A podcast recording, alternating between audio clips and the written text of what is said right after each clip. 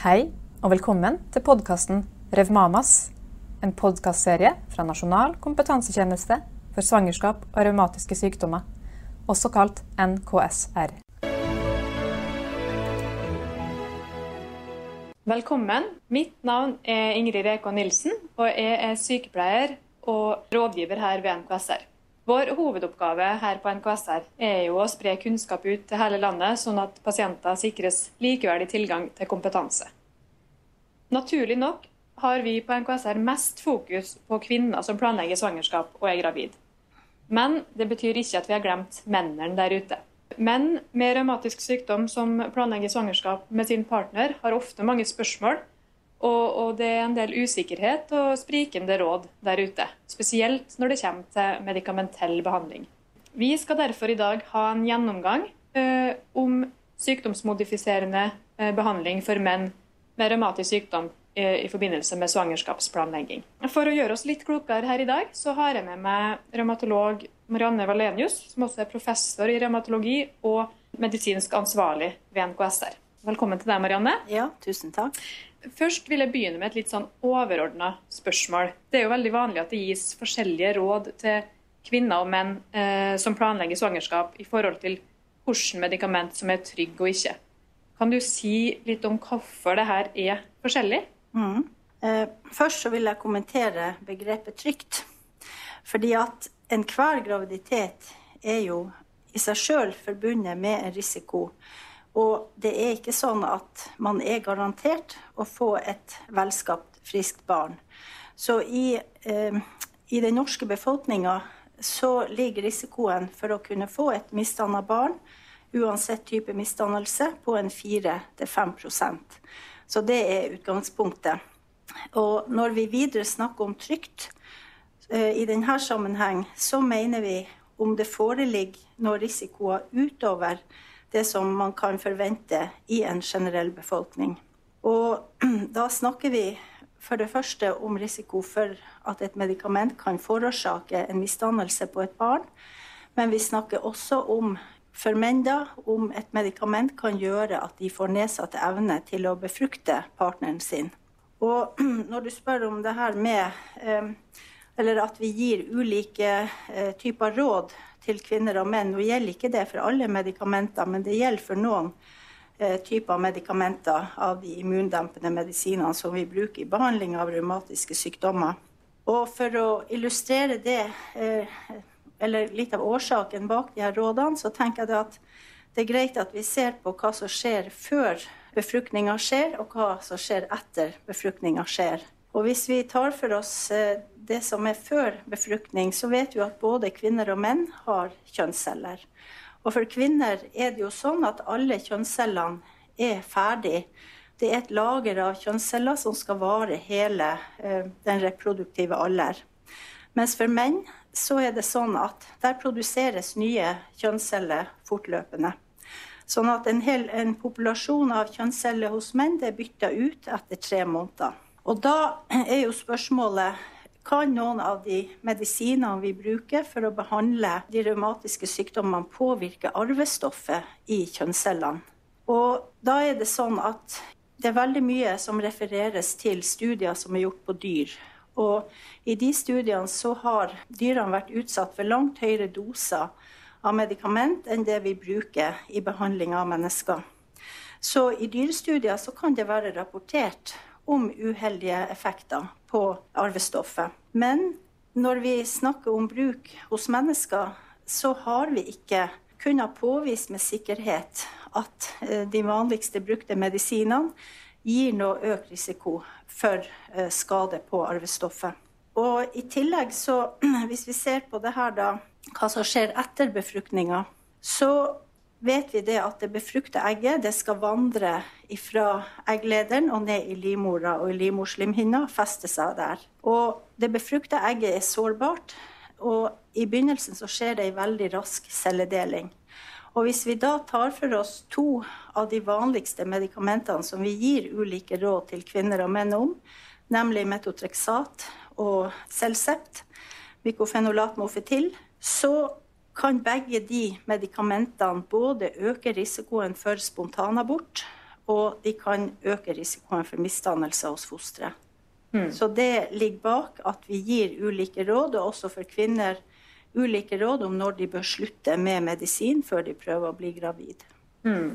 Så det, som du sier da, Når det gjelder menns bruk av medisiner, så er det jo to ulike ting man gjerne snakker om. Det er jo det her med, med fertilitet, eh, og det andre om kan gi økt risiko for fosterskade, som vi nå snakka litt om, at det er en del som kan være bekymra for det, eh, om det er risiko for fosterskadelige effekter. Sånn på et generelt grunnlag eh, er det mange medikamenter der man kjenner til at det er påvist eh, fosterskadelige effekter, og forekommer det i stor grad? Per i dag så er det ingen av de medisinene som vi bruker som immunmodifiserende behandling, som har noen kjent eh, skadelig effekt på genmaterialet i kjønnsceller.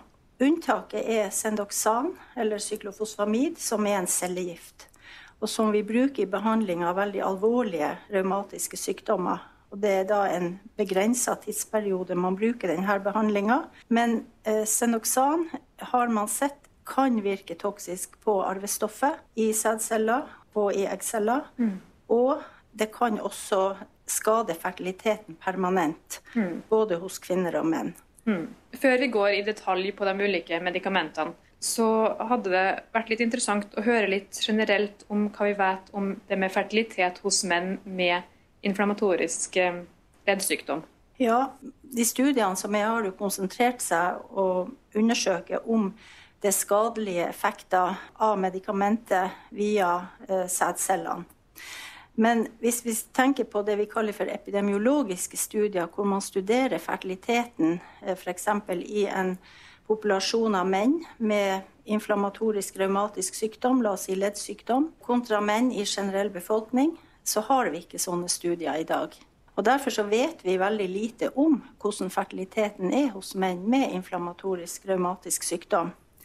Men vi kan liksom ikke se på det her uavhengig av å se på hvordan det er med fertiliteten hos norske menn generelt. Og vi vet det at fertiliteten har gått ned hos norske menn i løpet av de siste 20 år. Og det er en lang rekke faktorer som er med på å påvirke fertiliteten, bl.a. alder. At vi vet at eh, sædkvaliteten den feller også hos menn etter at de fyller 40 år. For det om de er i stand til å reprodusere seg omtrent hele livet. I tillegg så er det livsstilsfaktorer. Og vi vet at eh, betydelig overvekt setter ned fertiliteten, både hos kvinner og menn. Vi vet at røyking ikke er bra for fertiliteten. Høyt blodtrykk, høyt alkoholforbruk, bruk av anabole steroider. Og også sukker er faktisk kommet nå, som i en ny svensk studie, at et høyt sukkerinntak faktisk kan virke negativt på fertiliteten. Og så må vi også se på om den enkelte mann er det andre sykdommer som man har, og som kan spille inn og være med å redusere fertiliteten. Mm. Men skjønner at det er komplisert, og det er ikke alltid så lett å si om det er én en enkelt faktor som er den avgjørende. Det kan være sammensatte årsaker. Ja. Ja. Eh, da skal vi gå litt mer i dybden på de ulike medikamentene. og Da vil jeg starte med det som vi får aller flest spørsmål om, nemlig metotrexat. Der jo, har vi jo erfart at mange er usikre, og det er ulike råd der ute. Så først i forhold til det med fosterskade, Er det holdepunkt for at farsbruk kan føre til fosterskadelig effekt? både fra Norge og andre land, og da vil jeg spesielt nevne Tyskland og det tyske teratologiinstituttet i Berlin, så er det kommet nye studier siden 2015 og som har sett på utfallet av svangerskap, hvor far eller den vordende far har vært eh, utsatt eller har brukt immundempende medisiner av ulike typer de siste tre månedene før befruktning. Det gjelder f.eks. For, for metotrexat, det gjelder for Celcept og det gjelder for Imurell. Og hvor man ikke har klart uh, å påvise at det er noe økt risiko for misdannelser hos barn hvor far har brukt de her medisinene før unnfangelsen. Hmm. Hva så i forhold til um, fertilitet? Ja, når det gjelder menn, så er det beskrevet at metotreksat metotrexat kan påvirke sædcellene ved å endre utseendet, ved å endre eh, farten eh, på sædcellene, altså svømmehastigheter, og endre, altså redusere antallet sædceller. Men vi vet ikke i hvor stor grad det her skjer. Altså Er det hos 5% 10% eller er det hos over 50% Det vet vi ikke. Nei. Så hva er da vårt råd som man kan gi til menn som forsøker å gjøre sin partner gravid, og som bruker metotrexat? Ja, For det første så er de her forandringene reversible. Altså, når man tar bort medisin, så vil sædproduksjonen være normalisert igjen innen tre måneder. Men det vi tenker er at menn, akkurat som kvinner, de bør ta opp sin medikamentbruk med sin behandlende revmatolog. Og først og fremst er det jo viktig å se på indikasjon for behandlinga. For hos eh, en del menn så vil, hvis de tar bort metotrexat, så kan det jo i visse tilfeller føre til sykdomsoppbluss, som sannsynligvis heller ikke er heldig for fertiliteten. Sånn at vi anbefaler i dag at menn kan fortsette med metotrexat som behandling. og Denne anbefalinga gjelder for dose inntil 30 mg ukentlig. Men at hvis partneren ikke blir gravid i løpet av en viss tid, at man da tar opp og eventuelt får gjort en utredning, bl.a. med sædanalyse. Ja. Og i, i, visse tilfeller da også stoppe med medisin, hvis man finner det nødvendig. Ja. Da går jeg videre til, til salasoprin, som også er en medisin som vi får en del spørsmål om. Og Hvordan er det at salasoprin påvirker fertiliteten hos menn? Ja, For salasoperin så vet vi egentlig mer enn for metotrexat. Og for salasoperin så er det i mange studier vist at også det medikamentet endrer utseendet på sædcellene. Eh, sædcellene svømmer dårligere, og det blir færre av dem. Og her vet vi at det skjer hos kanskje over 80% av menn som bruker salasoperin. Mm. Men altså her reversibelt? At... Det er reversibelt, ja. ja. Eh, men hvis partner blir gravid mens mannen bruker Salasoprin, er det da noen grunn til bekymring? Er det noen risiko for fosterskade? Nei, for vi har, vi har ikke holdepunkter for at salasoperin skader DNA i kjønnsceller. Mm. Sånn at uh, ut ifra det så anser man at risikoen for at eh, det skal skje en misdannelse på bakgrunn av at far har brukt medisin, er ekstremt liten. Mm. Så vårt råd mm. uh, konkret er Hvis man har behov for å fortsette med salasoperin, så anbefaler vi i dag at de kan fortsette med det. Mm. Men det her har jo vært et veldig sånn strikt råd gjennom mange år at menn skulle stoppe med salasoperin. Men da har det jo hatt med fertiliteten å gjøre. Mm. Og det samme gjelder jo nå at hvis det blir problemer med å oppnå graviditet, så bør man jo se på medikamentbruket. Men mm. igjen, indikasjon for behandlinga er det viktigste. Mm. Da, litt i forhold til det biologiske medikamenter. Det er jo en stor gruppe medisiner, og vi skal på ingen måte gå i detalj. Men kan du si litt overordna om det er noen av de biologiske medikamentene som, som frarådes å brukes av menn når man planlegger svangerskap? Sånn, per i dag så er det ingen av de biologiske medikamentene eh, som vi sier at eh, menn må stoppe å bruke. Men når det er sagt, så er det egentlig kun TNF-erne som det foreligger studier på. Når det gjelder de andre biologiske medikamentene, og også eh, småmolekylære medikamenter, det vi kaller for janus kinasehemmere eller jakkhemmere, så er de rådene her mer eh, basert på teoretiske overveielser. At sannsynligheten for at det skal skade arvestoffet DNA i kjønnscellene, er svært liten. Hmm. Så vi sier at menn kan fortsette med behandlinga når det er din indikasjon for å gi den. Ja, så da, Som du nevnte vel i stad, om det er noen medisiner som vi bruker i revmatologien som kan påvirke fertiliteten permanent, og da nevnte du et i sted. Ja, ja. så det er Sendoxan, mm. eller syklofosfamid, som er en cellegift. Mm. Og den kan både gi permanent sterilitet, og den virker toksisk på uh, Altså ved at det virker toksisk på testiklene. Mm. Og den, er, den, steriliteten er irreversibel ja. når den først har inntrådt. Mm. Mm. Eh, så da råder du til å fryse ned sæd hvis man skal Ja, det er et internasjonalt råd ja, at ja. man da bør gjøre det. Ja. Nå har du jo kommet med mye informasjon og, og, mange råd, eh, men det er jo litt nyttig å vite hvilken kilder NKSR mhm. bygger sine råd på? Ja, Våre råd avviker veldig ofte fra det som står i felleskatalogen. Og det er viktig å være klar over at Felleskatalogen sjelden oppdaterer sin medikamentinformasjon etter at eh, medikamentet er godkjent. Det har også med juridiske forhold å gjøre. Så I tillegg så finnes det heller ingen internasjonal konsensus eh, om bruk av medikamenter, immundempende medikamenter hos menn som planlegger å bli fedre. Og når man søker på nettet, så kan man finne veldig mange ulike, altså sprikende råd og svar.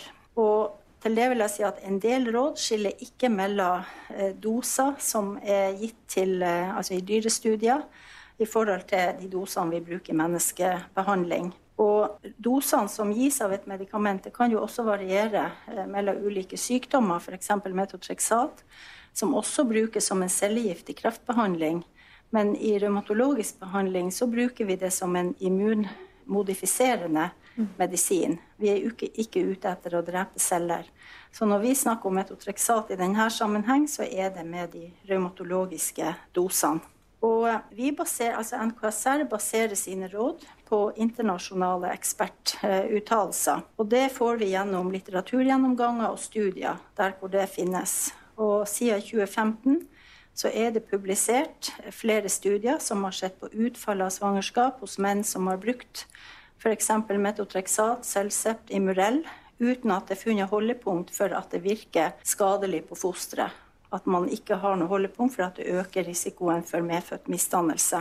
Og så legger vi ut fortløpende artikler på NKSR sine nettsider med oppdateringer. Og her vil jeg spesielt nevne en oversiktsartikkel som er utgitt av den britiske revmatologiforeninga, som var publisert i 2016, som også har råd angående farsbehandling i forbindelse med planlegging av svangerskap. Og også en oversiktsartikkel av Moise og medarbeidere i 2019. Og senest nå i 2020 kom det en amerikansk oversiktsartikkel. Og vi baserer rådene våre mye på det som er gitt av råd i disse artiklene. Og i tillegg til at uh, også Relis gjør utredninger, som vi også forholder oss til. Mm. Som sagt, Det legges jo eh, enkelte artikler ut på våre hjemmesider, men også hvis det er noen som er spesielt interessert eh, og ikke finner eh, artikler, så går det an å ta kontakt med oss. mm. Vi kan videreformidle, videreformidle, det. Til slutt, hva er det viktigste budskapet vedrørende medikamentbruk med tanke på svangerskap? Ja, Da syns jeg at Relis har formulert det veldig godt. Og de sier at pasienter har rett til god informasjon om legemidlene sine.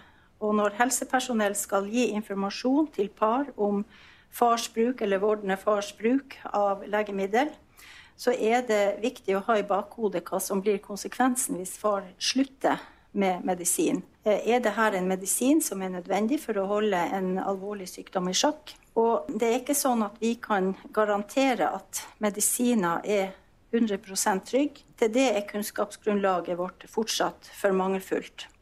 Men vi kan si at det til nå ikke er kjent at medisinbruk hos menn har medført fosterskader eller andre uheldige effekter hos barn. Sånn at informasjonen vi har i dag, gir ingen stor grunn til bekymring. Hva så et velinformert par velger å gjøre på bakgrunn av den informasjonen de måtte motta, det er opp til det enkelte par å avgjøre. Og så tenker jeg at det er jo også viktig, som vi sa tidligere her, å se på om det er andre faktorer som spiller inn. Har, har mannen en annen sykdom, f.eks. diabetes, eller andre sykdommer som kan tenkes å virke inn på fertiliteten? Eller er det livsstilsfaktorer som kan virke negativt inn på fertiliteten? Og så vil jeg jo si at det er veldig viktig at også menn, sånn som kvinner, har mulighet til å få en individuell vurdering angående sin medisin når de planlegger å bli fedre. Mm. Tusen takk for en veldig fin gjennomgang. Så da sier jeg i dag eh, takk for i dag. Du har hørt en podkast fra NKSR. Hør flere spennende podkaster om svangerskap og revmatiske sykdommer på NKSR sin kanal.